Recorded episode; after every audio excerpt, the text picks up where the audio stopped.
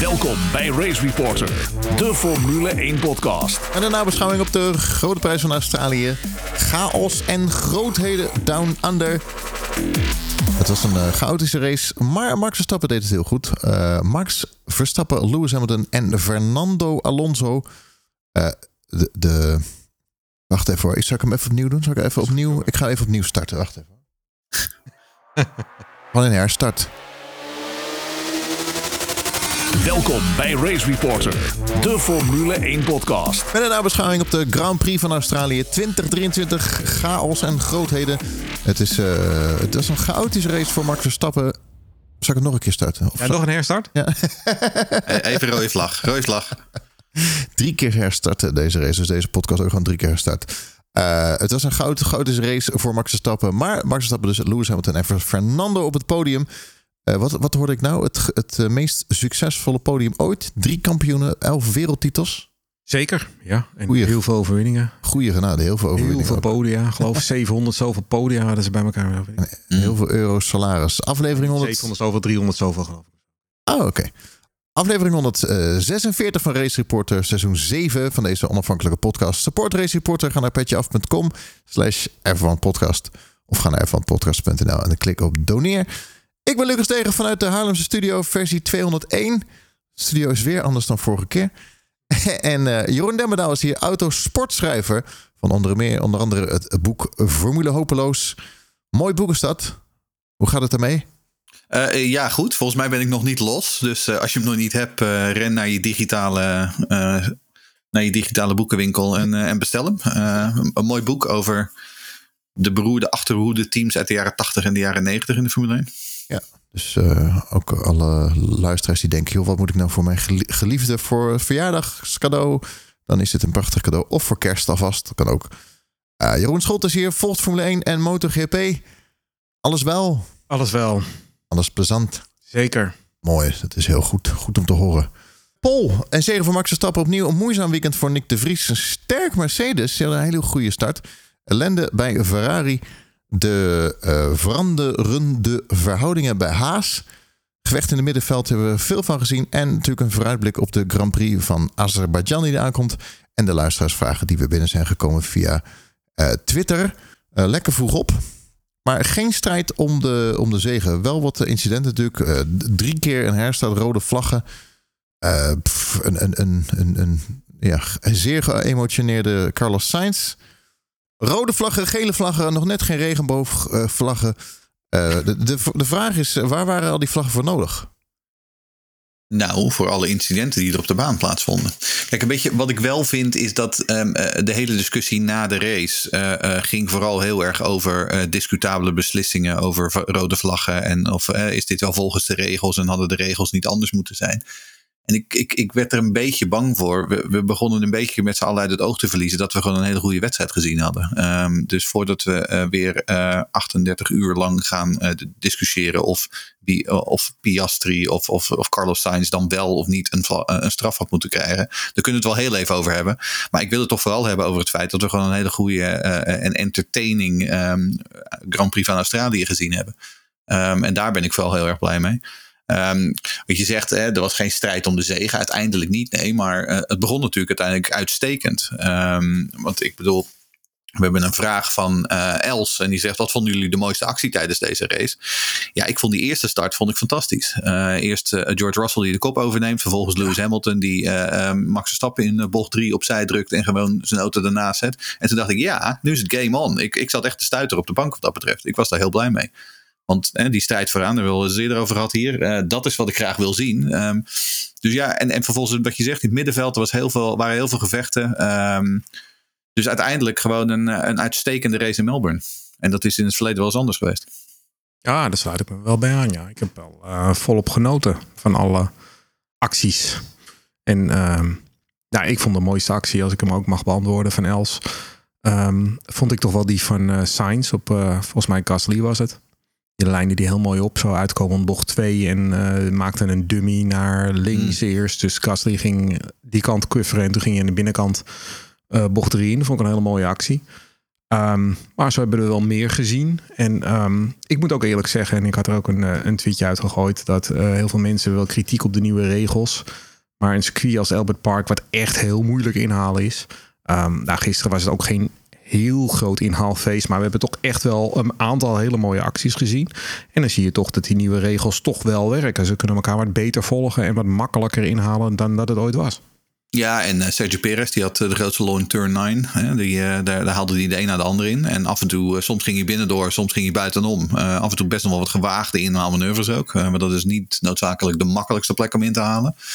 Dus nee, ik vond het, ik vond het al met al een leuke wedstrijd. Um, ja, en vervolgens natuurlijk tegen het einde ontspoorde het uh, volledig. Um, en, en, en kregen we een aantal rode vlag situaties. En, en uh, nou, duurde uiteindelijk de race toch nog wel heel erg lang. Um, en kreeg je natuurlijk vervolgens die hele farse waarbij ze uiteindelijk nog één rondje achter de safety car reden over de finish rijden. En dat, nou, dat hadden we dus ook allemaal schriftelijk af kunnen doen.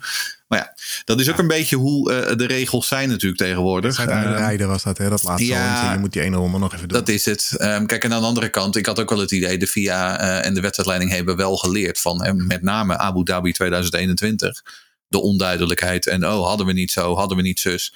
Uiteindelijk uh, hebben ze gewoon volgens het boekje hebben ze het juist uitgevoerd. Um, vooral ook omdat ze dus overduidelijk niet onder de safety car de race wilden finishen. Dan maar de wedstrijd stilleggen, uh, drie of vier ronden voor het eind. En dan maar een herstart. Um, ja, dat Max Verstappen daar op dat moment even niet op zat te wachten. Ja, dat snap ik. Maar het is wel gewoon volgens het boekje. Het is wel volgens de regels. Dus in die zin ja, um, het, was, het was rommelig, het was chaotisch. Maar um, om heel te zijn, uh, dat is ook wat mij betreft, uh, daarvoor kijken we. Uiteindelijk heeft, gaat het ook om entertainmentwaarde. Nou, en ik, er was ook een hoop uh, discussie over die eerste safety car. Of een rode vlag situatie bedoel ik. Wat eerst een safety car was en toen de rode vlag werd.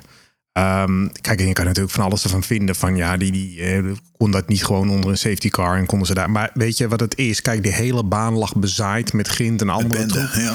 En uh, wat hebben we dan? We hebben dan een, een safety car. Wat duurt sowieso nog twee, drie rondes voordat alle auto's aangesloten zijn. Uh, en dan moeten er marshals, gewoon vrijwilligers zoals jij en ik, die moeten dan de ja. baan op en die moeten daar met een veegje, moeten dat allemaal gaan schoonlopen vegen. Terwijl de auto's gewoon nog met een redelijk tempootje doorrijden daar.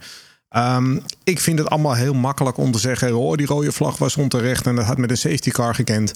Die mensen, de wedstrijdleiding heeft te maken met uh, het beschermen van levens van vrijwilligers die daar, uh, die daar rondlopen. En ik vind dat is wel een verantwoording.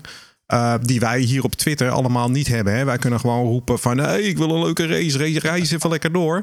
Ja, maar er zijn iets andere belangen... die iets zwaarder wegen dan van wat wij leuk vinden.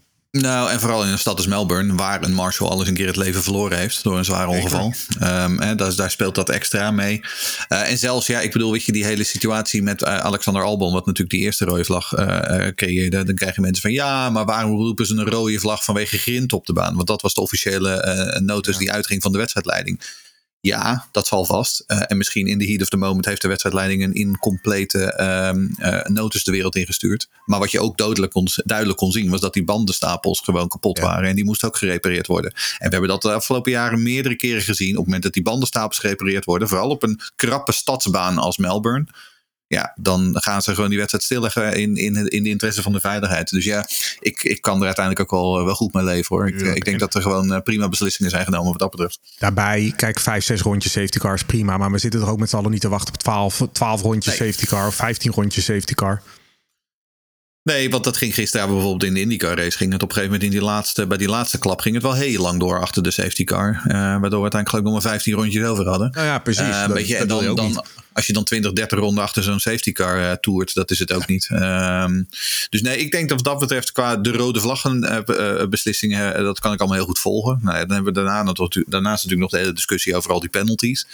Um, um, de, de, de Carlos Sainz penalty. En waarom kreeg Piastri er geen een? En waarom kreeg Gasly er geen een? En we hebben er geloof ik ook nog een batterij vragen over. Dat zal. Ja. Um, laten we maar beginnen met Sjoerd Druiven. Uh, wat die vraagt.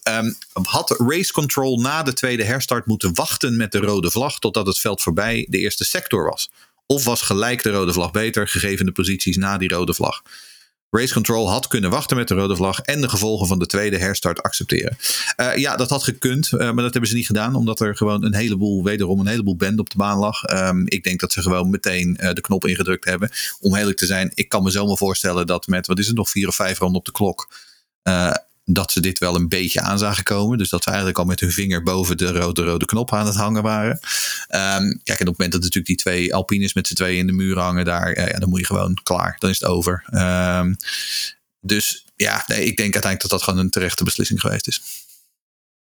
En de volgende vraag over uh, veiligheid en regeltjes, dat is, uh, die wordt gesteld door Karin.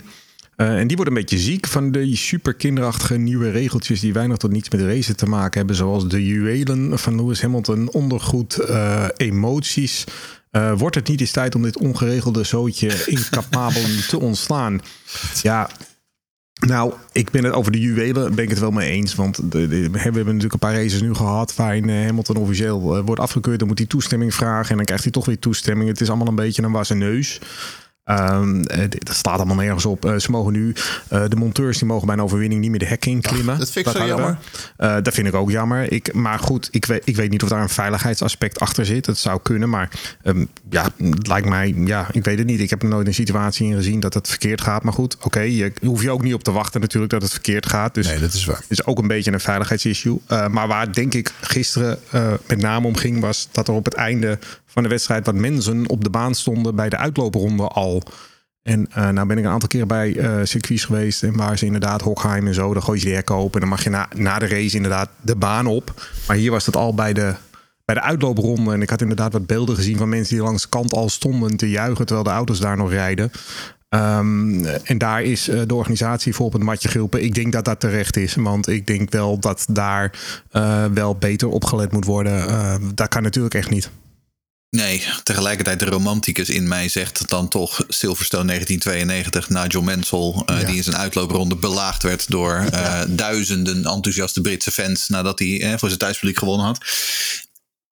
Ik weet dat we niet meer in 1992 leven, dat snap ik heel goed. Um, en, en, we weten natuurlijk ook gewoon dat de sport flink professioneler geworden is, ge geworden is op dat moment. Um, dus ja, ik, op, uiteindelijk qua balans kan ik dit ook wel begrijpen. Ja. Na de wedstrijd, natuurlijk, gooi die hekken open. Maar de uitloopronde, ja, dan heb je toch gewoon nog net iets te veel risico. Uh, dat er iemand opeens onder een Formule 1 wagen eindigt. En dat willen we, dat willen we allemaal niet. Maar ik ben het wel met Karine eens, Karine eens dat die juwelen en die onder, onderbroeken klucht hadden vorig jaar met Vettel, geloof ik, en zo. Ja, die, die onder, dat ja. is allemaal van die onzin.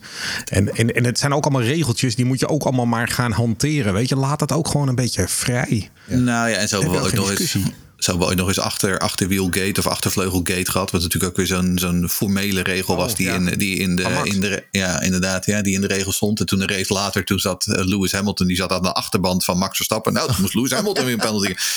Um, en trouwens, dat ding over dat vieren van die uh, monteurs. Dat schijnt dus een regel te zijn geweest. Dat is een beetje à la ons, uh, ons, ons Nederlandse softdrugsbeleid. Dat staat al mm. jaren in het wetboek. Alleen dat wordt nooit um, nageleefd. Of, of zeg maar, na, hoe zeg je dat?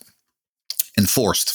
Um, en daar gaan ze nu dan om de een of andere reden. Ik weet niet precies waarom, maar daar hebben ze nu weer extra aandacht voor gevraagd. Nou ja, uh, het is, uh, het zij zo. Um, dan hebben we nog een vraag van Mike. Dit is ook al interessant. Uh, die zegt: Is er controle op de snelheid tijdens een virtual safety car? Um, zij zegt: Ik zag dat Hamilton ongeveer een seconde dichter bij Max Verstappen zat na de VSC dan ervoor.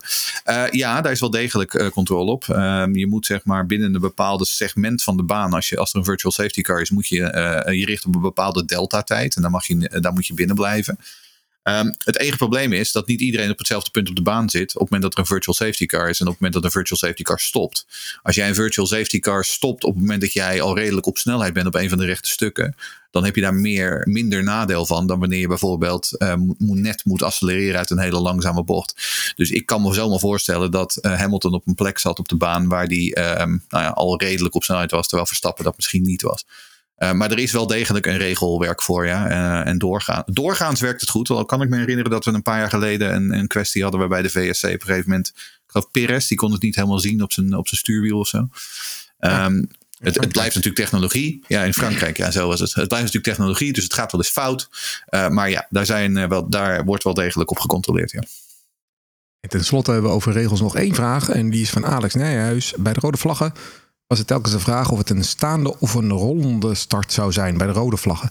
Uh, staat dat uh, niet gewoon in het reglement dan? Ik vond het vreemd dat daar verwarring over was. Ja, er staat in het reglement dat het uh, zowel een rollende als een staande start mag zijn. Dat mag alle twee. Uh, als de wedstrijdleiding vindt dat de situatie nog niet helemaal veilig is, bijvoorbeeld bij heel slecht weer, uh, wat iets beter is geworden onder de rode vlag, dan, dan kan je hem uh, starten onder een, een onder start. Want dat is altijd iets veiliger en heeft iedere auto om mee te beginnen dezelfde snelheid. En dat is altijd beter dan een staande start. maar het is wel zo dat ze ehm, bij de Formule 1, en daar zal iedere fan zich bij aansluiten, als het maar enigszins kan, gelieve een staande start te doen. Ja. Oh, ja, en dat is gisteren uh, natuurlijk heel erg gehanteerd. en toen gingen allerlei uh, mensen uh, malle acties doen op de baan. Alsof ze vroeger in de Formule 3 nog bezig waren. Ja. Um, en vervolgens valt iedereen onder de, over de wedstrijdleiding. Maar god alle Jezus, als ik toch mensen zie die achterop Nick de Vries duiken... Ja. alsof die er niet is. En ik zie Carlos Sainz malle dingen doen. Ik zie uh, Gasly, zie ik uh, team. Dan denk ik, ja, we kunnen wel de wedstrijdleiding de schuld geven.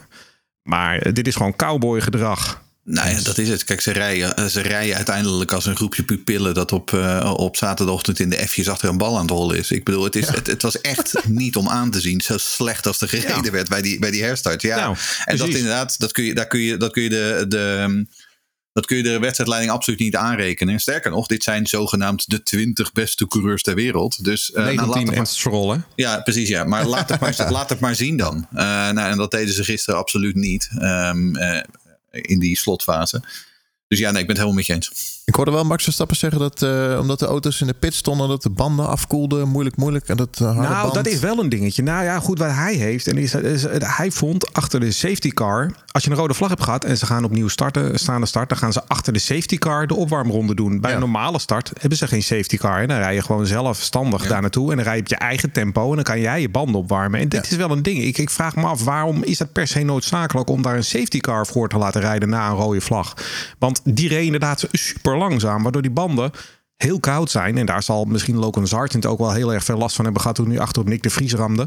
Ja. Uh, ook de remmen zijn natuurlijk nog, uh, nog, nog aan de koele kant. Ja. Uh, waarom, waarom moet daar per se een safety car voor rijden? Die snap ik niet helemaal, moet ik eerlijk zeggen. Nou ja, en je kunt dan natuurlijk er nog voor kiezen van, nou dan laat ik even een gat vallen naar die safety car. Maar, dan komen we weer, nou, daar zijn regeltjes voor. Hè? Maximaal 10 auto's lengtes. Ja. Dus nou ja, dan krijg je dat gedoe weer inderdaad. Dus ja, het is in, dat was niet ideaal inderdaad. Uh, maar dan nog, hè? 20 beste coureurs ter wereld. Uh, daar moeten ze dan maar mee leren dealen, lijkt mij. Ja, volgens mij weet je ook gewoon dat je banden nog niet helemaal op temperatuur zijn. Dus je kan ook uh, ervoor kiezen om eventjes iets eerder te rennen. Ja, maar dat is ook een les die Sergio Perez bijvoorbeeld in Q1 had kunnen leren. Maar goed, daar gaan we het zo, zo nog even over hebben. Ja, ik vind het wel opvallend. Dat, uh, we hebben het best wel veel in deze podcast steeds meer over de regeltjes. En dat natuurlijk ook door Drive to Survive er een nieuwe fanbase wordt aangeroepen. Maar die snappen steeds minder van de sport. Ja, maar ik moet ook wel zeggen, Formule 1 is ook wel bij, bij, bij uitstek een sport waarin de regeltjes continu veranderen. Het is soms ja. ook heel lastig. Er zijn ook veel meer regels gekomen door de jaren heen. Hè? Want ja. toen jij en ik begonnen te kijken, toen uh, ja, was het toch allemaal redelijk vrij buiten het is, het is ook dat dingetje met Max. Hè? Want Max ging op een gegeven moment een beetje zeuren om Hamilton dat hij hem de buiten drukte. Terwijl hij bij de Apex nog voor zat. Ja, en hij werd er van de baan gedrukt. En ik vind dat geneuzel. Want ik vond wat Hamilton deed, dat is gewoon racen. En ik denk dat Max Verstappen dat zelf ook eigenlijk wel vindt. Want die doet dat ook namelijk, dat soort acties. Maar wat Max, denk ik, waar hij meer op doelde, is dat nu de regel is dat als je bij de Apex voor zit, dan mag de ander je niet meer uh, uh, zomaar die bocht zeg maar opeisen en jou eraf drukken. En dat ja. is denk ik waar hij uh, op doelde. En dat zal hij waarschijnlijk in de drivers meeting volgende keer op Baku ook wel aan gaan halen. Van hey jongens, mag het nou wel of mag het nou niet? Want jullie zeggen dat het niet mag, maar vervolgens gebeurt het.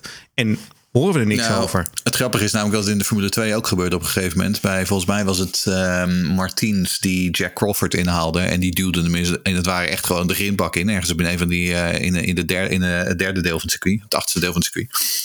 Um, en daar kreeg hij wel een straf voor. Uh, omdat hij inderdaad, dus inderdaad hem gewoon geen genoeg ruimte liet. Nou moet ik zeggen, hier vooral turn 3 is ontzettend krap. Hè? Uh, ik snap Hamilton ook wel. Want uiteindelijk, uh, die, weet je, eerste ronde zet hem ernaast. Weet je waar het mij aan deed denken? Wat Verstappen vorig jaar deed bij, uh, in Imola. Uh, bij, uh, ja. is dat, was dat die, die natte race? Dat hij ook ja, ja. in die eerste chicane...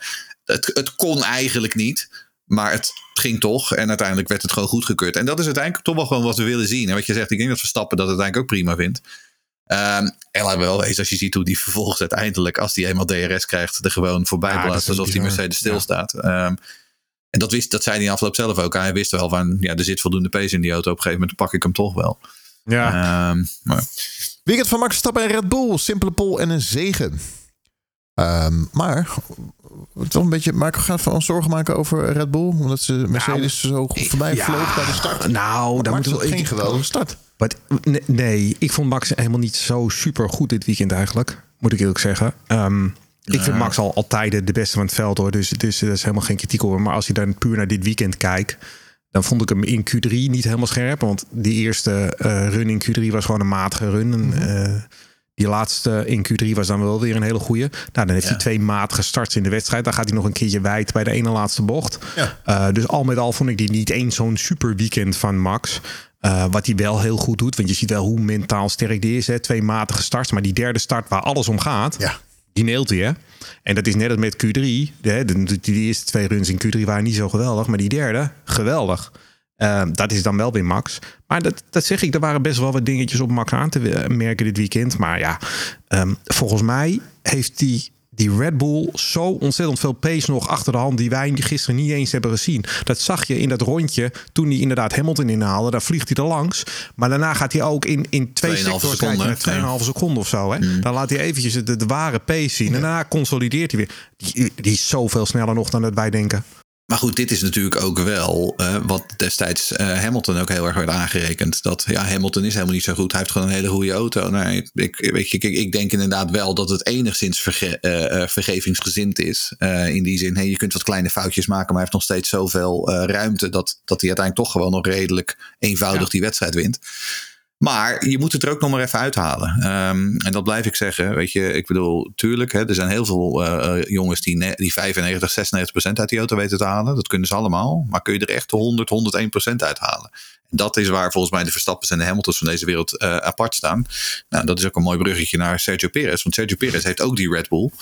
Ehm, en Sergio Perez die heeft heel F, eh, FP3 heeft die, eh, eh, problemen gehad ehm, met, met, met het remmen, met het blokkeren van zijn, van zijn voorwielen. En vervolgens in zijn eerste ronde, in zijn eerste poging in Q1, zet hij hem meteen in de muur. Ja, ik bedoel, met al die ervaring die hij heeft.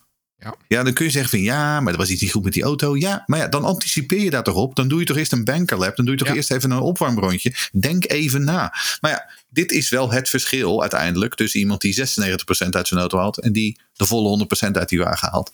Ehm, dus daar zit het verschil. Uiteindelijk moet ik zeggen dat eh Perez in de race wel gewoon een goede eh, eh, inhaalrace deed. Met P5 en de snelste ronde denk ik dat hij de schade relatief beperkt houdt.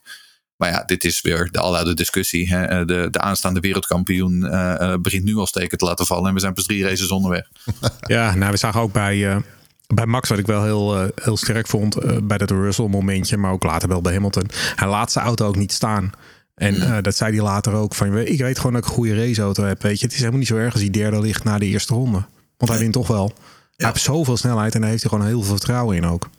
Ja, nou had ik het wel, nog wel willen zien als allebei die Mercedes er nog voor hadden gezeten. Ehm, want uiteindelijk is, werd hij ook wel een beetje geholpen door het feit dat ehm, Mercedes natuurlijk Russell eerder naar binnen haalde. Eh, ik snap wel wat ze bij Mercedes probeerden te doen door te, bedden, te wedden op twee verschillende strategieën. Maar nou ja, goed, uiteindelijk door die eerste rode vlag werd dat natuurlijk helemaal teniet gedaan. Maar als je die met z'n tweeën ervoor hebt zitten, eh, dan loop je nog het risico dat je in zo'n DRS-terreintje terechtkomt. Ehm, maar goed. Ja, maar Ehm, 9 uiteindelijk kilometer per uur gaat hij harder met Ja. DRS dan Mercedes met DRS. Hè? Dus nou, Mm. ik, ik denk... Wat Russell zei zelf, weet je, als, als, als mijn auto heel was gebleven en mijn strategie had, gewerkt, dus het was al alleen een safety car geweest en geen Mm. rode vlag, dan had ik, eh, dan zie ik niet waarom ik niet had kunnen winnen. Nou, maar ik, volgens mij, daar geen schijn van kans om te winnen deze wedstrijd. Daar geloof ik niks van. Nee, maar ik weet niet wat ik bedoel. Ik weet niet of, die er dan, of Verstappen dan zo snel voorbij eh, eh, de Mercedes Nee, was gekomen. Ik denk dat het dan Ja. toch wel misschien wat Ja. lastiger was geweest. Maar uiteindelijk, ja, ik bedoel, die auto is gewoon nog steeds flink sneller. Ehm, en ja, ik bedoel, je ziet het ook aan een Perez. Ik bedoel, Perez die blaast uiteindelijk... eh, en dan moet ik zeggen, trouwens, die eerste herstart was ontzettend slecht van hem. Want hij startte geloof ik als 14 en viel uiteindelijk terug naar plek 16. Toen dacht ik, nou, dat is ook niet lekker. Ehm, maar goed, uiteindelijk als hij dan eenmaal op gang komt, ja, dan zie je gewoon dat hij inderdaad vooral op, dat, eh, op die strip eh, richting turn 9, ja, daar blazen ze, blazen ze gewoon alles en iedereen voorbij. Eh, en daar zit gewoon het verschil. Checo Perez heeft gewoon ehm, in de eerste, eerste ronde van Q1 al zijn hele Ja. weekend. En dat, onge... En dan kan je natuurlijk wel zeggen, ja, weet je, uh, Perez is niet zo goed als Max. Nee, dat weet ik ook wel. Maar hij is wel heel ervaren. Je weet toch, die eerste ronde nou, van Q1. Mijn hemel, zeg, wat doe je? Dat. Dat. hij, hij, zei op de boordradio niet dat het. Hij ja, maar dat is door Red Bull allemaal ontkend. Er staat zowel de Horner als een Marco. Dat was gewoon wat zijn die met die auto. Ja, er is weer de, de, de remmen. Nou ja, kijk, hij had, hij had tijdens FP3 ging hij op een gegeven moment ook twee of drie keer ging hij ernaast inderdaad of of, of blokkeerde die. Um, en dat zal, misschien is dat dan zo, maar dan nog, dan moet je leren om daarop te anticiperen. Dan moet je niet meteen in je eerste ronde van je eerste run, meteen dat ding in, in, in, in, in het grind zetten. Het is, het is gewoon zo. Nou ja, ja, maar net op een gegeven moment, weet je, ik bedoel, op een gegeven moment, uh, je hebt die hele chaos. En wie eindigt er weer in het grind? Lance Stroll. Weet je, het verbaast me ook gewoon niet. Want dat is gewoon, er zijn gewoon bepaalde rijders die trekken dat gewoon aan. En Stroll dan misschien wel wat meer dan Perez. Maar het is, eh, weet je, je kunt bijna je klok erop gelijk zetten. Dat vroeg of laat maken ze dit soort fouten. Want Perez is gewoon grillig, dat weten we. Dat is hij altijd al geweest. Um, uh, ondanks die, we geloof ik wel 250 Grand Prix op zijn naam staan. Hij is altijd grillig geweest. Maar als hij heel goed is, is hij heel goed. Absoluut. Maar hij heeft dat niet consistent genoeg. En dat is natuurlijk gewoon het probleem. Dus hij, als hij Verstappen wil, wil verslaan, dan moet hij echt boven zichzelf uitstijgen. En ik denk niet dat hij dat over een heel seizoen kan. Hè. Hij moet ook niet zo brullen in de media van nou ik ga voor de wereld. Ik erg me daar zo aan. Dan denk ik, jongen, ga gewoon, hou je mond, ga gewoon lekker rijden. En in de zomer, in juli, juni, whatever, dan kijken we wel hoe de punten is, hoe de punten zijn. En dan kan je zeggen van nou, ik ga voor de wereldtitel of niet. Maar gaat hij al roepen naar race 1 of race 2, wanneer hij een keertje een gelukkige zege heeft gehad? Jongen, kom op hé. Zou je het nodig hebben voor zichzelf? Als, als, een, als, een, motiva als een motivatievorm? Maar je zet er ook veel meer druk op ineens. Ja, nee, dat is het ook. Maar misschien is dat. Niet. Nee, maar je hebt, je hebt mensen die, zeg maar, juist door zichzelf zo onder druk te zetten. dat is waarop ze denken het beste te mm. kunnen presteren. Maar ja, als je vervolgens dit doet, dan kun je afvragen hoeveel effect dat heeft. Hè? Gevecht in de subtop. Eerste podium voor snel Mercedes. Nou, we hebben net al een beetje besproken. Goede start. Uh, jammer dat Russell inderdaad uh, niet verder kwam. Een motorplof. Nou, het is, het is vooral, het is die, um, de algehele teneur bij Mercedes is gewoon weer. Het is een beetje Jantje huilt, Jantje lacht. Hè? Want ik bedoel, na, na Bahrein en, en, en, en, en Jeddah was het van ja, nee, ja, het wordt helemaal niks. En, en, en, en Hamilton over ja, het team luistert niet naar me. En ja. Russell, brief aan de fans, ja, brief aan de fans ja, hebben ze geschreven. Brief aan de, oh, oh, brief aan de fans, ja, ja, precies dat. Uh, Russell, ja, Red Bull gaat alle wedstrijden winnen dit jaar. En toen dacht alles. ik van oké, okay, alles. Ja. Zelfs bij de IndyCars gaan ze winnen, MotoGP's ja. gaan alles winnen. En nu, en nu is het opeens weer van ja, nee, ja, we zaten er echt lekker bij. Ja, nee, ja, zoveel. Oh, great work by the team. En dan denk ik van ja, maar wat is het nou? Het is een, het is een beetje schizofreen wat dat betreft. Um, hoe het ook zij, ik ben er blij mee, want ik vond het fijn. Ik was aangenaam verrast dat McLaren of dat Mercedes zichzelf op eh, P2 en P3 neerzette in die kwalificatie. Nou, vervolgens die start. Ik dacht geweldig, top. Nou, Albon maakte er vervolgens een potje van. Um, en, en daardoor uh, maakte Mercedes ook gewoon de verkeerde call. Uh, maar dat mag Jeroen zo uitleggen, want die, uh, die had daar een prima argument voor. door Russell binnen te halen. Ja, en als dan vervolgens die motor er ook nog aan gaat, ja, dan is het sowieso uh, uh, jammer. Uh, uiteindelijk denk ik dat Hamilton een goede wedstrijd heeft gereden door in ieder geval Alonso achter zich te houden. Want ik kreeg toch het idee dat die, dat die gewoon net iets sneller was nog uiteindelijk. Als, als je puntje bepaaldje komt. Maar, maar goed, ik denk dat daar dan het verschil tussen Hamilton en Alonso en de ervaring van Hamilton om de, om de hoek komt kijken. Um, dus ja, ik bedoel, het is, het, het is voor, uh, um, uh, voor Mercedes was het, was het een, een, een, een, een opsteker. Um, Alonso, uh, 100% scoren qua, uh, qua podiums, doet dat natuurlijk uitstekend. En dan, gaan we het daarna, en dan gaan we het daarna nog wel even over Ferrari hebben. Ik denk ook dat het heel veel te maken heeft met de, de track waarop, waarop je bent. Ik denk dat het heel erg. Die jongens, Aston Martin en Mercedes, zitten gewoon heel dicht bij elkaar. Ferrari misschien ook wel. Uh, en, en, en de baan maakt gewoon een heel groot verschil. Dan gaat die weer sneller, dan gaat die weer wat sneller. En wat ook een hele grote factor was dit keer, en dat hadden we in Bahrein en Saudi-Arabië natuurlijk niet. Het was heel cool.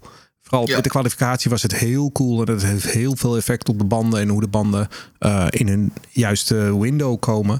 En uh, ik denk dat dat ook heel veel in het voordeel van Mercedes uh, viel in dit geval. En het zou zomaar kunnen over twee weken, als het in Baku 30 graden is, dat het weer net even wat anders valt allemaal. En dan is er ineens weer allemaal drama. Maar ik denk dat je daar ook echt, dat, dat zijn gewoon hele belangrijke factoren tegenwoordig. Wat zijn de gevolgen van de motorplof? Voor de, uh... Nou, dat weet ik nog niet. Ik heb daar verder niets over Nee, gelezen. ik heb Maar nee, ik ook niet, nee. Het zou zomaar kunnen dat hij inderdaad eh, wel een, een motorwisseltje iets te vroeg heeft. Maar hij zal daar niet, geen directe gridstraf voor krijgen natuurlijk. kan, ik kan me geen motorplof meer herinneren. Mercedes is heel Het erg is- betrouwbaar dit- altijd. Nou ja, daar hadden we, hier, hier hadden we het volgens mij nog in onze voorbeschouwing voor het seizoen op. eh, over dat, weet je, juist eh, ehm, de betrouwbaarheid was het sterke punt van Mercedes vorig jaar. Ja. Eh, dus het feit dat, inderdaad dat Russell nu inderdaad gewoon een motor ziet ploffen. Dat, eh, ook echt ouderwets, hè? Echt met, bijna met vlammen. Het was niet helemaal als de, de, de Mugen Honda's uit de jaren negentig. Want die waren er altijd klopt, best in. Maar, eh, ja, maar, maar inderdaad, er kwam een beetje, beetje fik uit en zo. En ik dacht, ja, dit, dit is een mooie plof. Eh, die zie je tegenwoordig niet zoveel meer. Ehm, ja, maar goed. eh, verkeerde beslissing dus om Russell binnen te halen onder die safety car. Jeroen, leg dat even uit. Nou ja, goed, dat is gewoon pech. Ik dacht dat het in principe een hele goede beslissing was. Want ze gaan natuurlijk splitten die strategie met twee. Dan eh, Hamilton rijdt door en hij gaat, eh, hij gaat wat eerder naar eh, binnen. En onder de safety car heb je natuurlijk... dan pak je gewoon 10, 12 seconden ten opzichte van iemand die onder de volle snelheid eh, gaat pitten. Dus dan was hij in eentje voor Verstappen en Hamilton terug de baan opgekomen uiteindelijk. Als die ook een stop zouden gemaakt. Dus dan had het waarschijnlijk wel gewerkt. Maar ja, weet je, kijk, Max had zoveel pace. Die rijdt die 10, 12 seconden ook gewoon weer dicht. Dus ik ben het daar niet mee eens met van, oh, dan had ik wel eventjes kunnen winnen. Ik denk dat Russell, eh, ja, dat doet om, weet ik veel, de fabriek, de mensen in de fabrieken op te vrolijken of zo. Ik weet het niet, maar ik, ik zag geen enkele mogelijkheid voor Mercedes om te winnen. Anders dan dat Verstappen eh, ook eh, de ginpak op had gezocht. Maar dat zijn vader vaker dan hij, dus die kans is niet zo heel groot. Nou, en wat ik eigenlijk bedoelde, want dat zei je gisteren in onze appgroep, ehm, dat Mercedes had kunnen anticiperen op het feit dat het een rode vlag zou worden toen die, eh, die bandenstapels uit elkaar lagen naar die klap Oh van ja, Albon. dat zeker. Ehm, ja. Ja. Ja. En dat, dat, vond ik, dat was een scherpe observatie inderdaad. Want in eerste, in eerste instantie, ik dacht ook, ik denk, nou, Ik dit is wel ook, slim ja. wat ze doen. Ja, klopt. maar Maar het is wel zo inderdaad dat ik vrij snel in mijn huiskamer al dacht van nou, dit zou wel eens een rode vlag kunnen worden. En eh, dan moet Mercedes het ook kunnen denken inderdaad. Maar ja goed, aan de Ja. andere kant, eh, ik ben ook altijd wel weer een voorstander van splitten van strategieën als je in zo'n situatie zit. Dus ik, je- ja, je gokt en je verliest dit keer, maar ja, dat kan Ja. ook een keer. hè. Wat trouwens wel gevaarlijk. we- Wederom als eh, op Japan vorig jaar een auto die vangrail raakt of de banden en weer terug de baan op. Dat was als je daar eh, met volle snelheid in. eh, ja, er was iemand, er was wel eens een haas. Voor mij was dat, was dat, was dat niet een van de hazen die er toch wel eh, vrij ehm, dichtbij zat, zeg maar, die er echt omheen moest rijden. Ehm, En het grappige is eigenlijk, een paar jaar geleden had je natuurlijk altijd Mercedes. En dan was Red Bull op sommige circuits hadden ze ineens een kans om mee te doen of om te winnen. En dan zag je altijd dat Red Bull was eigenlijk altijd degene met de aanvallende, agressieve strategie. En nu is dat helemaal omgedraaid. Nu is Red Bull gewoon degene van de rustige, conservatieve strategie. En nu is Mercedes degene van de. Want je, moet, je, je bent eigenlijk iets langzamer en je moet dat compenseren door. die rol- die neem je rol wat is nog- risico. ja, ja, ja. ja, die rollen zijn omgedraaid, Ja. hè? Dus dat is het. Ja. Het viel mij ook sowieso op dat Max het hele weekend heel, heel relaxed was. Grapjes maken, had een pruik op. Ja, maar ja, hij heeft een, hij een raket. Ja, nee, tuurlijk. Maar Ja. dat vind ik mooi om te zien. Ik Ja, leuk, die leuk stond er wel inderdaad. Ja. Het was een soort van Iron Maiden Max. Maar misschien dat, hij, dat het ook in de, in de start eh, dat hij dat naar boven komt. Dat hij iets te Misschien dat relaxed haar voor is. zijn ogen of zo. Ik weet het niet. Nou, maar ik denk dat hij kan gewoon conservatiever rijden. Ik denk dat dat is meer gewoon is. Ja, hij, hoeft niet, hij hoeft niet voor de volle 100% eh, te rijden. Dat, hij kan veel meer doseren. Ehm, maar, maar ja, wat ik bedoel te zeggen. Ik bedoel, ik denk dat hij die derde wereldtitel inmiddels al wel bijna bij kan schrijven. Want ik, ik zie niet wie, wie, wie hier daar hem vanaf gaat halen. Perez. Oh ja, Perez, ja. Ja, maar niet dus. Dus nou ja, daar ga je al. Eh, maar goed, jongens, moeten we het nog even over Ferrari hebben? Even leuk. Die waren er wel. Die waren er. Ja, dat heb ik ook begrepen. Voor ja. niks. Ach, ach, Ja. Nou, ik moet zeggen, eh, Charles Leclerc zit nu ook wel in zo'n in zo'n periode dat hij het ook gewoon aantrekt. Hè? Ehm, wat ik wil, uiteindelijk deed hij niet eens zo heel veel fout, vond ik. Ehm, hij zat gewoon op het verkeerde moment. Weet je, je had die twee Astons Ja, voor ik hem. kneep wel die- een beetje bij vond ik. Ik vond ja, het niet maar, die, nee, maar, maar dat is het een beetje. Ik vond het een typisch race-incident. Maar het Ja. is wel weer typisch dat iemand als Leclerc dus dan precies daar inderdaad een beetje geknepen. En dan, ja, nou, en dan raak je elkaar. Ja, dan is het klaar. Ehm, het, ik, het is, hij zit gewoon een beetje in de hoek waar de klappen vallen op dit moment. Dat is het een beetje. Ehm, kijk, en Bob van Valkenhoef die heeft er ook een vraag over, geloof ik, eh, Jeroen. Ja, of, of, of wij denken dat Leclerc de druk soms niet aan kan. Of hij aan het overcompenseren is omdat de Ferrari niet top is. Nou, overcompenseren, dat, dat, dat, dat zou wel kunnen. Je hebt wel een soort van eh, vorm van die hele goede coureurs... die dan eh, inderdaad een beetje gaan overcompenseren. Ik denk niet dat het de druk is. Want op dit moment is de druk niet super hoog. Want hij kan in principe geen races winnen met dit, eh, met dit vehikel waar hij in rijdt op dit moment. Eh, ik denk wel dat eh, ze bij Ferrari wel... ehm, ik denk op dit moment dat het lastig wordt voor Ferrari om eh, Leclerc bij te gaan laten tekenen. Hij heeft hierna nog één jaar. Ehm, en uh, nou ja, ik heb begrepen inderdaad, als je de media leest, dat ze er wel al een beetje mee bezig zijn om hem te verlengen. Ze willen hem heel graag houden. Um, ik denk dat ze wel echt wat moeten gaan laten zien aan Leclerc. Wil die blijven? Want ik bedoel, Aston Martin heeft natuurlijk een oude coureur. Mercedes heeft natuurlijk een oude coureur. Ik denk dat Charles Leclerc een interessante optie is voor beide teams. Voor, uh, um, wat is het, na, over anderhalf jaar zeg maar. Uh, dus ik denk dat Charles Leclerc ook best eventjes met Toto Wolff wil praten over de toekomstperspectief bij Mercedes. En ook misschien best wel eventjes met Lawrence Stroll over het toekomstperspectief bij Aston Martin. Ja. En ik denk dat de teams daar wel in geïnteresseerd zijn. En ik denk dat Leclerc daar op een gegeven moment ook wel in geïnteresseerd is. Want ja, ik weet, hij is een hele grote Ferrari-fan. En hij wint liever één wereldtitel met Ferrari dan drie met uh, Red Bull of met Mercedes. Maar als die ene wereldtitel, ja, ik zie hem niet komen, die ene wereldtitel. Dus ik, ik, ik denk echt dat dat nog een ding wordt, hoor, dat verlengen. Nou ja, niet in de komende jaren in ieder geval, nee. Ik, nee, um, nee nou ja, je, dat... Waar, we, waar we het eerder al over hadden, als je ziet waar nu de ontwikkelingscycle voor die wagen zit. Je zit in ieder geval tot 25, 26 zit je gewoon vast. Ja. Um, wat je kan doen eventueel is, met, wat hij heeft natuurlijk vorige keer dat hij bijtekende, tekende die geloof ik al meteen dan Ponsen contract van vijf jaar. Net als wat Verstappen heeft gedaan met Red Bull. Hij kan natuurlijk bijtekenen voor een jaar. Uh, en dan een switch maken. Maar goed. Ja, ik zou Ja. vooral wachten als ik hem was. Weet ja, je ik wat heb het- helemaal geen haast. Ik zou vooral wachten. Wat het ook nog is, eh, Ferrari is kampioen, of bijna kampioen geworden met Alonso. Die was al kampioen, tweevoudig. Toen hebben ze Vettel gehaald, ook meervoudig kampioen. Daar is het niet mee gelukt. En dus waarom zou het dan nu wel met een jong talent Nee, maar ik heb het al eens eerder gezegd. Hè? Het is een kerkhof voor ambities, Ferrari. Ehm, en en, en dat, dat is het altijd al geweest. Eh, want er zijn, hij, is, hij is zeker niet eh, de eerste die zeg maar sneuvelt inderdaad. Ook niet als je wat verder terug gaat in de historie. Ehm, het is gewoon een, lastige, het, een lastig team om, om kampioen mee te worden. Ehm, zoveel blijkt wel. En, en Leclerc die, eh, die merkt dat nu ook. Ehm, nou ja, en dan hebben we nog natuurlijk Carlos Sainz. Ja, nou, het, die had natuurlijk eh, vervolgens die situatie waarbij hij een, een, een tijdstraf kreeg eh, vanwege een aanrijding met Alonso, die uiteindelijk niet gedaan werd en waar Alonso dus geen enkel nadeel van had. Dus ja, is dat een beetje een zware straf? Eh, vraagt Timo ons. Ehm, en is zijn emotionele reactie daarop terecht? Eh, nou ja, kijk, eh, Carlos is Spanjaard. Dus natuurlijk is de emotionele reactie terecht. Want, Car- want Spanjaarden kunnen niet onemotioneel reageren op dat soort dingen. Ehm, en ja, ik vond het erg. Ik vond het erg, erg ehm, eh, ehm, streng. Wat Ja. mij betreft had het niet gehoeven. Kijk, ik snap inderdaad dat, eh, dat eh, Oscar Piastri en, en Nico Hulkenberg er heel erg blij mee zijn. Ehm, maar eh, ik kan me de frustratie van Sainz heel goed voorstellen, ja. Ja, om heel eerlijk te zijn vond ik dat ook. Ja, kijk, normaal gesproken zijn ze heel eh, soepel bij eh, startongevallen. Nou, dat is dit ook. Ehm, en ik hoor dat eh, het eh, gevalletje Sergeant de Vries is niet eens onderzocht. Nee. Ja, dan vind ik dit echt. Ik vind dit echt. eh, Gasly wordt gespaard. Nou, ik duidelijk. wil zeggen, ja, want, want precies. Gasly Ja. had gewoon hier een straf voor moeten hebben. En had dat normaal gesproken volgens mij ook gewoon gekregen. Maar ja, omdat hij anders een, een race schorsing aan zijn broek had gekregen. omdat hij met die, met die achterlijke eh, licentiepunten daar overheen was gegaan.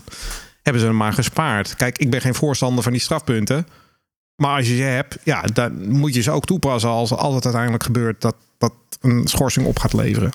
Nou ja, en dan kun je nog zeggen dat Gasly en, eh, is ges- en Ocon zijn allebei gestraft, zeg maar. Omdat, hè, eh, omdat ze er al uit zijn, zeg maar. Dus Alpine heeft al een penalty moeten hebben. Maar ja, daar heb je dan ook Ocon weer mee.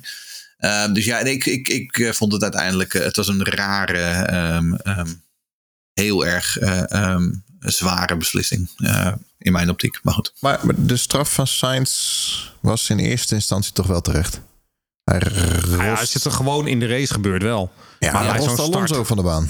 Bij zo'n Ja, start met precies. koude banden in de drukte, dan vind ik het allemaal niet zo heel erg. Ja, natuurlijk, het is niet goed. Nou, het dat is vind ik wel Kijk, als de, als de wedstrijd door was gegaan, denk ik wel dat het een straf had moeten zijn. Ja. Want dan had hij uiteindelijk gewoon natuurlijk Alonso een, een podium door zijn neus geboord. En dan, ja, dan, dan vind ik inderdaad dat je daar best een straf voor uit kunt delen. Eh, want het was wel een beetje een boneheaded move, als ik heel eerlijk ben. Ehm, maar weet je, het, het, waar het mij om gaat, is dat uiteindelijk hebben ze het effect van eh, wat Ja, daar ja, gebeurd is teruggedraaid. Waardoor Alonso uiteindelijk gewoon weer mocht starten vanaf die derde plek. Gewoon weer zijn derde plek vasthield. Ja, en om dan Sainz nog op een, te straffen voor een, een, een effect, eh, voor een, een incident wat eigenlijk niet gebeurd is in de einduitslag. Ja, dat vind ik een beetje absurd. Maar mij gaat het er meer om dat die andere twee incidenten gewoon, eh, die worden Ja, gewoon ja. En de- deze wel, dat vond ik het ergst. Eh, ik moet wel zeggen, die, ik, vond, ik, vond, ik, le- ik leefde ook echt een beetje mee met die emotionele post van Sainz. Het was echt een beetje triest. Hij was echt heel erg aangedaan daardoor. Ja. En ik vind no, het wel please, mooi, want hij was please, natuurlijk- please, no, Hij was please. natuurlijk, wat was hij, vierde denk ik, vierde of vijfde denk ik. Vierde, vijfde, ja. En dat raakt hij dan kwijt. Het was niet eens een Ja. overwinning, maar was, het deed hem echt heel veel. Heb je de Formule 2 die Isaac Hadjar nog over de radio gehoord op een gegeven Geen moment? Formule 2 Dat, je, weekend. eh, dat, je- eh, dat is dat jonge Franse jochie van Ja. eh, die Red Bull protégé. Die zat op een gegeven moment. En eh, die klonk als een een of ander speenvarken in een slachthuis. Niet te geloven, dat arme joch. Die, die, had ook, die werd van de baan geduwd door iemand. En die ook, no, no. eh. was mo- mooie radio was dat. Ja, dat is ook altijd wel leuk. Eh, ik zei het al aan het begin. Race Reporter is een onafhankelijke podcast. We moeten hebben van donaties. Support Race Reporter. Ga naar petjeaf.com slash ervanpodcast. Of ervanpodcast.nl. Klik op de link. Het weekend van Nick de Vries en Alfa Tauri. Opnieuw heel pover. Mooi woord. Eh, prima. Nick voor het eerst in de Q2. Ja, Maar ja, in de race maakt hij het dan niet waar. Nou, ik vond hem in de, in de kwalificatie inderdaad wel goed. Ik denk dat Q2 met, eh, met deze auto wel maximaal haalbaar is. Dus dat deed hij prima. Hij was ook redelijk competitief aan, eh, aan Yuki, die dan in de allerlaatste ronde nog ietsje sneller ging, helaas, voor Nick. Eh, maar ik vond dat hij een goede kwalificatie reed. Maar in de race ging eigenlijk weer alles mis. Hè. Hij was er eentje die start op de harde band. Dus die had al wat langer door willen rijden. En dan komt zo'n rode vlag. Dus dat, dat, dat vernachelt dan ook wel een beetje zijn strategie natuurlijk. Hij had een incidentje met Ocon natuurlijk in het begin al. Ehm, uiteindelijk wordt hij uit de wedstrijd gereden door Sargent. Eh, ik, hij is wel een beetje mm, eh, kleurloos nog. Maar ja, goed, ik moet ook wel eerlijk zeggen, hij heeft op dit circuit en ook op Saudi-Arabië had hij ook nog nooit geraced in zijn leven. Bahrein wel. Ehm, hij leert het een beetje kennen. Ja, ik blijf erbij dat het gewoon nog eventjes afwachten is met die jongen. Ik wil hem niet een, sticker al opplakken van... kijk, dit is geen groot talent of, of niet Formule 1 waardig. Ehm, hij is niet heel overtuigend begonnen, maar bedoel, kom op. Alle kans nog. Nou ja, kijk, weet je, laten we wel wezen. De enige reden dat we hier over hem praten is omdat hij eh zelfs de nationaliteit als wij hebben. Eh, als, het een Deen was, als het een Deen was geweest of een Italiaan, had, was, hadden we hem niet eens besproken. Zo simpel is het. Ehm, daarnaast wil ik ook nog wel aantekenen. Ik had natuurlijk wel het idee dat hij schade opliep. Ehm, wat op een gegeven moment eh, ergens, misschien bij dat incident met Ocon of daarna.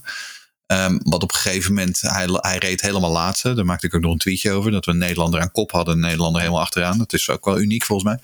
Ehm, maar toen verloor hij ook opeens wel heel veel op Bottas. Toen ging het opeens ook wel heel hard. Eh, dus toen dacht ik, nee, volgens mij is die auto ook gewoon niet helemaal, eh, eh, helemaal zuiver. Ehm, maar ja, hij is op dit moment gewoon veldvulling. Dat klinkt hard, maar dat is wel zo. Ehm, en eh, ja, ik hoop inderdaad dat hij, eh, want Yuki heeft nu natuurlijk het eerste puntje binnen. Eh, en ik hoop dat hij ook snel zijn eerste punten bij kan schrijven. Gevecht in het middenveld. Piastri pakt eerste punten in zijn Melbourne. En ehm, maar we zijn nog eigenlijk iemand vergeten te, te melden met al die drama's en safety cars.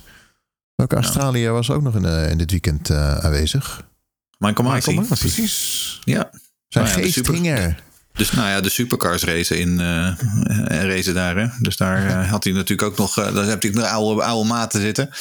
Eh, ja, nee, het grappige is trouwens, er staat hier Piastri zijn Melbourne. Eh, hij heeft hier nog nooit gereden. Hè? Dat is dus het geestige. Hij heeft alleen gekart in Australië. En voor de rest. als, ja. Maar zijn hele, zijn hele autosportcarrière heeft zich in Europa afgespeeld. Dus hij was net zo, het was voor hem net zo nieuw als voor, voor alle andere eh, rookies. Eh, maar ja, absoluut. Ik, vind het, ik vond het fijn. Ik, ik ben er altijd blij mee als, als rookies hun eerste punten binnenhalen. Ja, en hem Piastri nu... het, een beetje, deed me een beetje denken aan Mark Webber, die ooit in de Minardi vijfde Ja. werd eh, in Melbourne. Eh, dus ook zijn eerste punten haalde voor het thuispubliek. Ja, is mooi. Eh, geeft die jongen natuurlijk ook een boost. Want de eerste paar races zijn voor Piastri natuurlijk gewoon, nou ja, redelijk tranendal geweest. Dus nee, ik, ik blij. Sowieso voor McLaren. Hè, want Norris vierde of vijfde uiteindelijk ook. Dus ze hebben echt een flinke sloot punten binnengehaald. Eh dat, dat konden ze goed gebruiken. Maximaal geprofiteerd van alle chaos. Dus eh, ja, voor McLaren absoluut een, eh, een, een heel goed weekend. Ehm, en ja, zo goed als het voor McLaren was, zo slecht was het voor eh, Alpine. Eh Gasly had natuurlijk gewoon een hele goede wedstrijd. Maar ja, werd vervolgens reed, zijn eigen teamgenoot de baan uit. Dus ze hebben bij Alpine een flinke schadepost. Ja, en, ben ik met je nul, eens. en gewoon nul punten. Ik ben het wel met je eens hoor, maar ik moet, ik moet er wel de kanttekening bij maken dat eh, de, de uitslag voor McLaren erg geflatteerd was in hun voordeel. want ze hadden niet tuurlijk. de pace voor deze uitslag. En Alpine Nee. heeft wel echt pace. Althans, nee, niet voor de top, maar voor eh, het vijfde team hebben ze wel echt de pace. Dus ik denk dat ze bij Alpine Absoluut. uiteindelijk... eh, En des te belangrijker voor McLaren dat ze nu die Zeker, 14, 15 ja. punten binnengehaald hebben. Want ik weet niet of ze die op pure pace in de komende races. eh, Als we straks naar Baku gaan, met dat hele lange rechte stuk, dan eh, vrees ik weer met grote vrezen voor McLaren. Ehm, En dan zouden we misschien die Alpine, die toch wel doorgaans vrij hard loopt, die zouden daar weer heel sterk moeten zijn. Uh, dus ik, in ieder geval vanuit het oogpunt van McLaren, uh, die hebben echt gewoon maximaal geprofiteerd van de chaos. En natuurlijk is het een geflitteerde uitslag, maar hey, dat is uh, ja, topsport. Absoluut. Nieke Hulkenberg, die deed goed. Ik vind het uh, fijn hoe die bezig is. Wordt er ja, afgesproken, denk ik. Maar ja. ik vind hem toch wel heel goed de afgelopen Had drie wedstrijden. Nee. Nee. nee hij, uh, hij, valt me heel erg mee inderdaad. Uh, ik moet ook zeggen dat Magnussen me eigenlijk gewoon tegenvalt. Nou, uh, ik had, verwacht, ik had ja. verwacht dat Magnussen en Hulkenberg veel dichter bij elkaar zouden ja. zitten. maar hij heeft hem vooral dit, dit, dit, weekend heeft hij hem echt om zijn oren gereden. Ja. want wat Magnussen was eigenlijk het hele weekend nergens. Niet eens in de buurt van de punten. Terwijl Hulkenberg op een gegeven moment, uh, die, die maakte nog kans op een podium. Uh, ja. Onder de juiste omstandigheden. Dus uh, nee, echt, echt uitstekend gereden. En ja, er zit bij Vlagen toch wel gewoon wat tempo in die, in die haas. Laten we echt hopen dat Hulkenberg nog een podium pakt. Echt, alsjeblieft. Ja, dat, wel dat het hem nu wel lukt. Oh, ja. Of wat was het? Hockenheim in die regenrace. Ja. Maar dit is wel interessant met Haas natuurlijk. Want dan denk je, ja, hallo. Nou, ik, als je kijkt naar waar ze vandaan kwamen. Ik ben ook wel heel benieuwd naar de reactie van Magnussen. Want Magnussen hebben natuurlijk allemaal wel gezien als een beetje een redelijke middenmootcoureur. Best wel een goede coureur altijd. Uh, maar die reed natuurlijk ook de afgelopen twee jaar naast Mick Schumacher. Die niet zo heel geweldig deed. En dan hadden we nu, hebben we nu dan Hulkenberg. Wat toch een beetje een oude jongen is. Die nooit echt een succes is geweest. En die is dan teruggehaald. En die rijdt hem eigenlijk toch best wel, zeker in kwalificatie, uh, behoorlijk om de oren. En, en deze wedstrijd ook. Ik ben heel benieuwd wat de reactie van Magnussen gaat zijn. Gaat hij echt... Uh, uh, kan hij met dit soort druk omgaan? En kan hij zich uh, hè, terug op de kaart zetten als de nummer 1 van Aas? Of, of, of zal hij toch.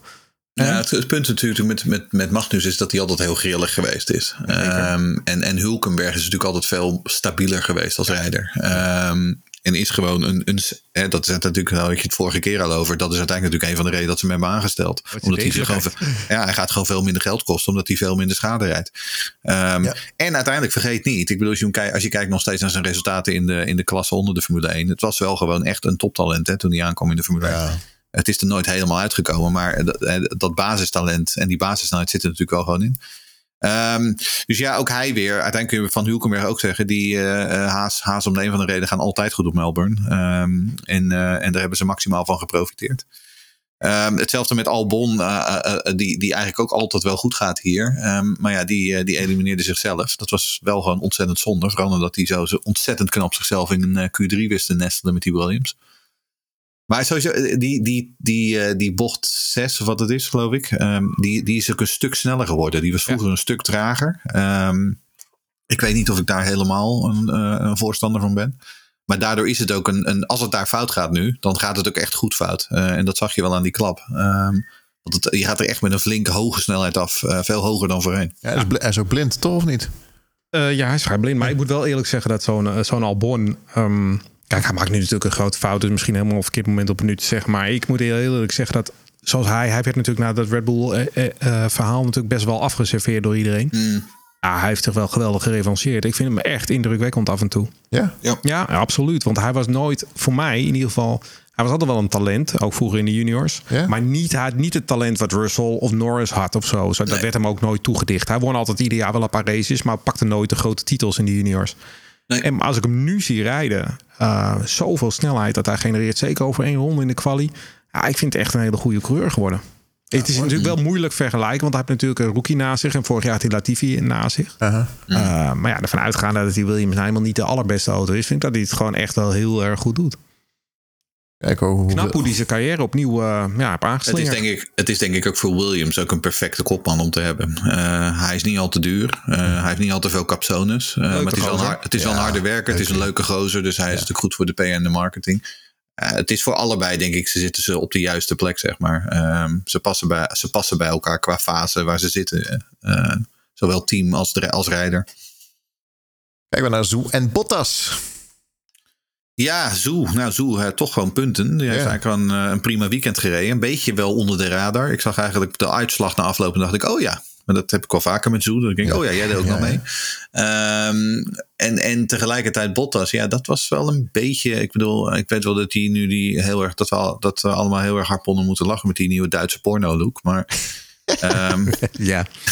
een beetje, eh, een beetje eh, meer eh, jeu in, de, in de pap mag wat mij betreft wel. Want dit was niet al te best. Beetje afgelopen hè, met hem. Lijkt Ja. het. Ja. Hij rijdt gewoon, ja. Kijk, hij rijdt natuurlijk niet meer echt om podia of om overwinningen. En ehm, het lijkt een Nee, beetje. Ba- Hij maakt een beetje uitgebluste indruk. Ja, maar in Bahrein reed hij een hele sterke wedstrijd bijvoorbeeld. Ehm, en daar werd hij geloof ik acht of zo. Ehm, en da- en daar, daar dacht ik van, nou, dat ziet er goed uit. Maar nu, ik bedoel, ehm, dit, was, eh, dit was gewoon niet best. Eh, en inderdaad, het noor- doorgaans eh, is Zoe gewoon de onderliggende partij tussen die twee. Dus weet je, als het dan een keer Zoe de, de bovenliggende partij is, dan valt het extra op. Ik vind het trouwens jammer met, met vroeger hadden we nog, weet je, de Saubers met talenten. Daar kwam, kwam Leclerc, die kwam bovendrijven. En nu hebben we een, een, een Bottas daar. En ik vind, ik vind die, die, die teams moeten een goede oude coureur hebben en een goed talent. Maar ik vind Alfa Romeo Ja eigenlijk maar, allebei de, maar de rol, ja, maar de rol van het team is ook veranderd. Hè? Ja. Kijk, toen Leclerc daar nog zat, toen was het natuurlijk heel duidelijk de Ferrari-dependant. En toen parkeerden ze hem. Nou was Leclerc natuurlijk ook wel gewoon buiten categorie talent. Dus die, daar hadden ze nog even geen plek in eh, voor. Maar die werd echt warm gelopen door voor, ehm, voor Ferrari. Met Bottas en Zoe is dat natuurlijk veel minder het geval. En kijk, in vroeger, toen Sauber nog echt Sauber was. Toen Peter Sauber daar nog de, de scepter zwaaide. Ja, die... Die, die, die, die, die ging daar prat op om jonge talenten te ontdekken. Denk Heidveld, Kimi Räikkönen, dat soort jongens. Ehm, die heeft eh, Sergio Perez kwam natuurlijk via eh, Sauber uiteindelijk ook de, Ja. de, de Formule 1 in. Dus je, die ging daar ook echt prat op om gewoon zo'n jonge, echt getalenteerde jongen erin te zetten. Ja. Eh, terwijl het nu toch wel mee, veel meer een, een soort van half Chinese marketingmachine aan het worden is. Eh, Ik weet ook niet of dat, of dat gaat veranderen als Audi de, de, de scepter zwaait. Nou, ik- Ehm, ik, weet, ik weet niet wat die voor visie hebben voor dit team nog. Nou, die zullen misschien wat meer interesse hebben in die miljoenen uit China. Maar ik moet wel eerlijk zeggen dat ehm, het aantrekken van Bottas kon ik me heel goed voorstellen. hoor, zo'n anderhalf jaar geleden. Want het is gewoon een racewinnaar, een ervaren jongen. En, eh, je moet Ja. ook zo'n team naar voren helpen. En dat is gewoon wel een hele goede aankoop geweest. Ik vind hem alleen een beetje bleu de laatste tijd. En ik, eigenlijk, kijk, ik ben niet heel erg onder de indruk van Zoe. Altijd nooit geweest in de junior-series. En zo'n jongen moet, een, moet weggeblazen worden in mijn optiek. En dat wordt hij niet. En eh, dan hadden we nu ook, want als hij in het eerste jaar gewoon weggeblazen was, de Bottas, hadden we misschien nu ook wel eh, wat sneller, wat meer kansen gehad voor Poucher bijvoorbeeld. Wat ik wel een groter talent vind uit de Sauberschool. Uh, maar ja, zo- zolang Bottas een beetje zo blijft presteren, eh, is het makkelijker voor Zoe en is het moeilijker voor Poucher. Denk ik. Ja.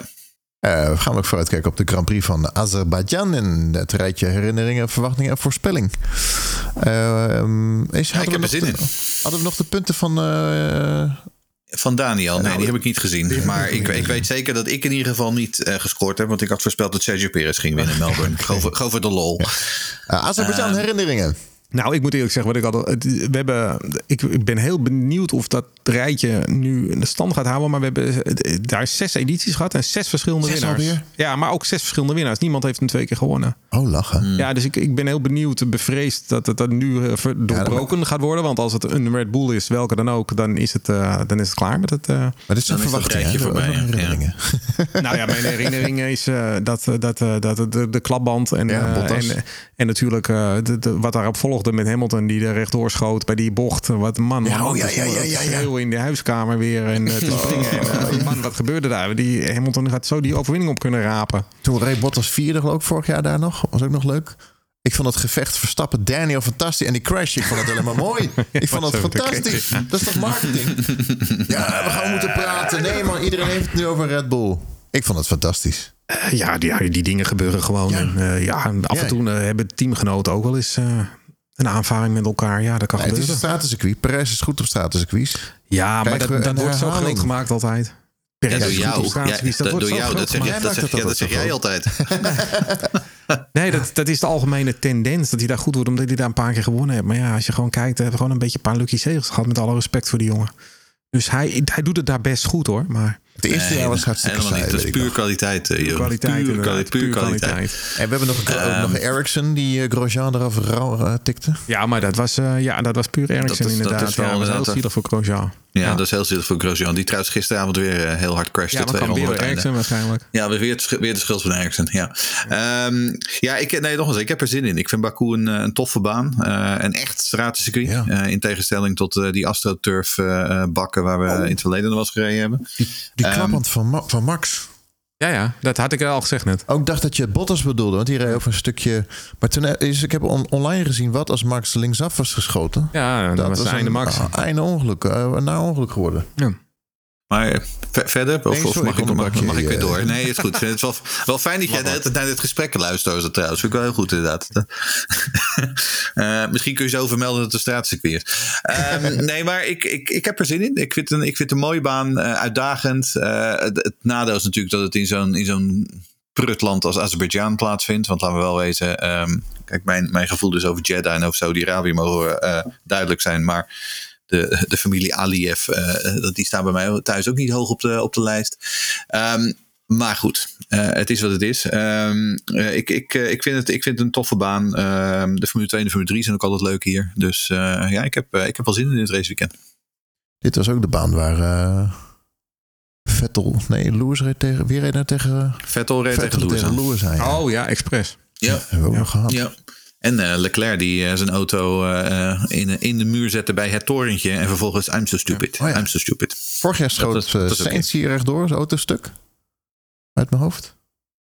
Vooraf zwaar pech. Het is een stratencircuit, dus ja, er, Ja. er schiet wel eens Ja, iemand er rechtdoor en er, en er raakt wel eens iemand een Maar het een duurt muur, wel ja. lang. 28 april pas. Nou, 30 april pas 30 april, eigenlijk. ja. Ja. Ik kan het zeggen, het is vier weken. Hè? Ja. Na, na Koningsdag. China is het dus uitgevallen. Ja. ja. Nou ja, het is wat het is. Eh, en het is natuurlijk ook lang, terug, lang terugvliegen vanuit, eh, vanuit Australië. Ja. Wat, eh, wat, verwa- wat verwachten jullie? Red Bull tot en met. Natuurlijk. En, en omdat natuurlijk eh Sergio Perez altijd zo goed is op straatcircuits. Is dat zo? Ja, die gaat winnen. Wie zegt dat? Dat, dat- ja, Jeroen Sergio. Eh, en zijn vader, die zegt het ook. Eh, nee, ik denk dat eh, Sergio Perez die gaat hier terugslaan in de wereldtitelstrijd. Ja, ja Je wil dat echt nooit ook, winnen ja. met dit spelletje, hè? Met dat, Nee, absoluut niet. Nee, gewoon niet winnen. Nee, ik geef, be- ik geef bewust gewoon eh tegendraadse voorspellingen. ja. Nee, maar dit wordt gewoon een Red Bull eh, festijn. Ehm, als die auto heel blijft dan, eh, en, en ze maken geen gekke fouten. En dat, vooral met Perez eh, kun je dat nooit uitsluiten. Maar zou dit gewoon een 1-2 van Red Bull moeten worden, denk ik. Nou, ga dan maar meteen voorspellen. Ja.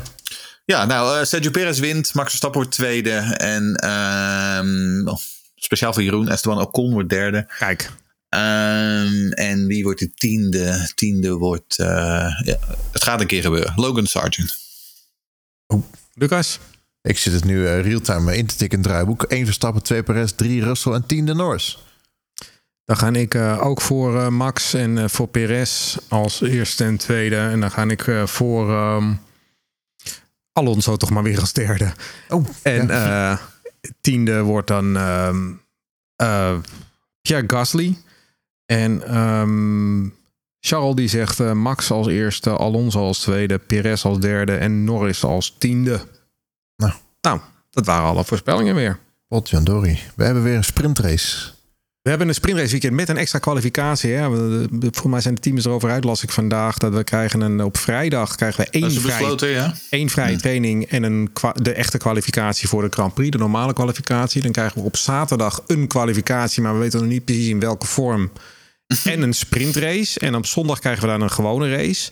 En ondertussen lees ik ook dat iedereen maar gaat updaten in Baku. En dan denk ik, dat is heel leuk, maar je hebt maar één vrije training. Dus veel succes met je nieuwe updates.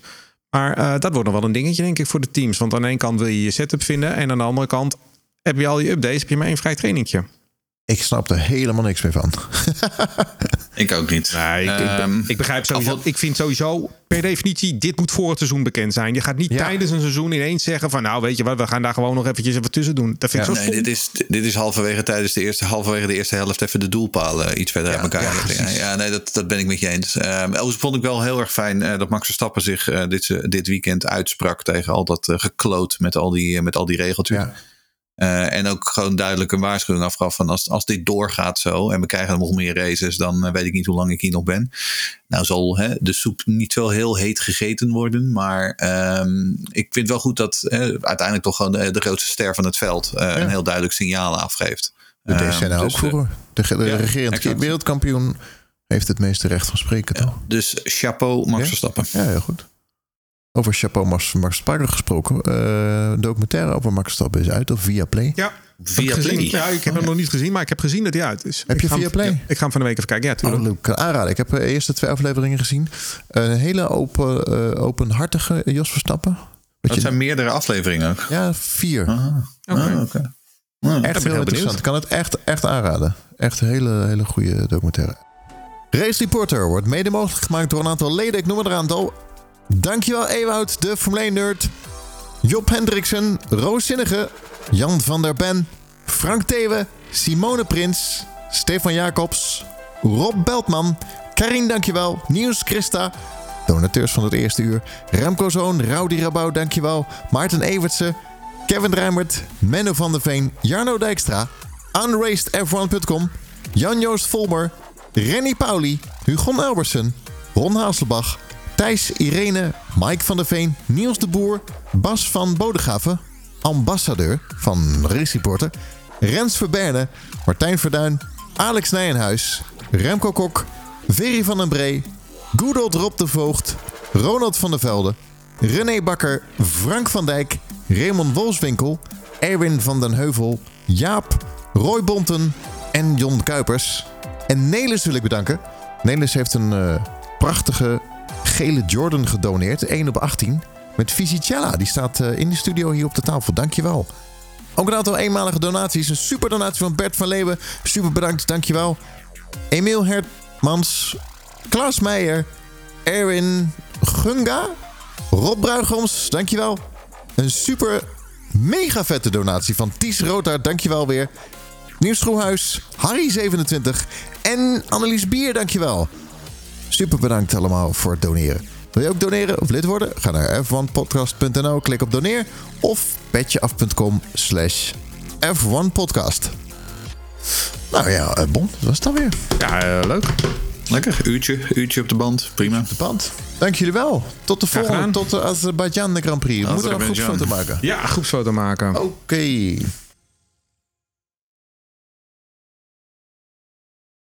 We nog speciale Azerbeidzjaanse gerechten hebben voor de volgende?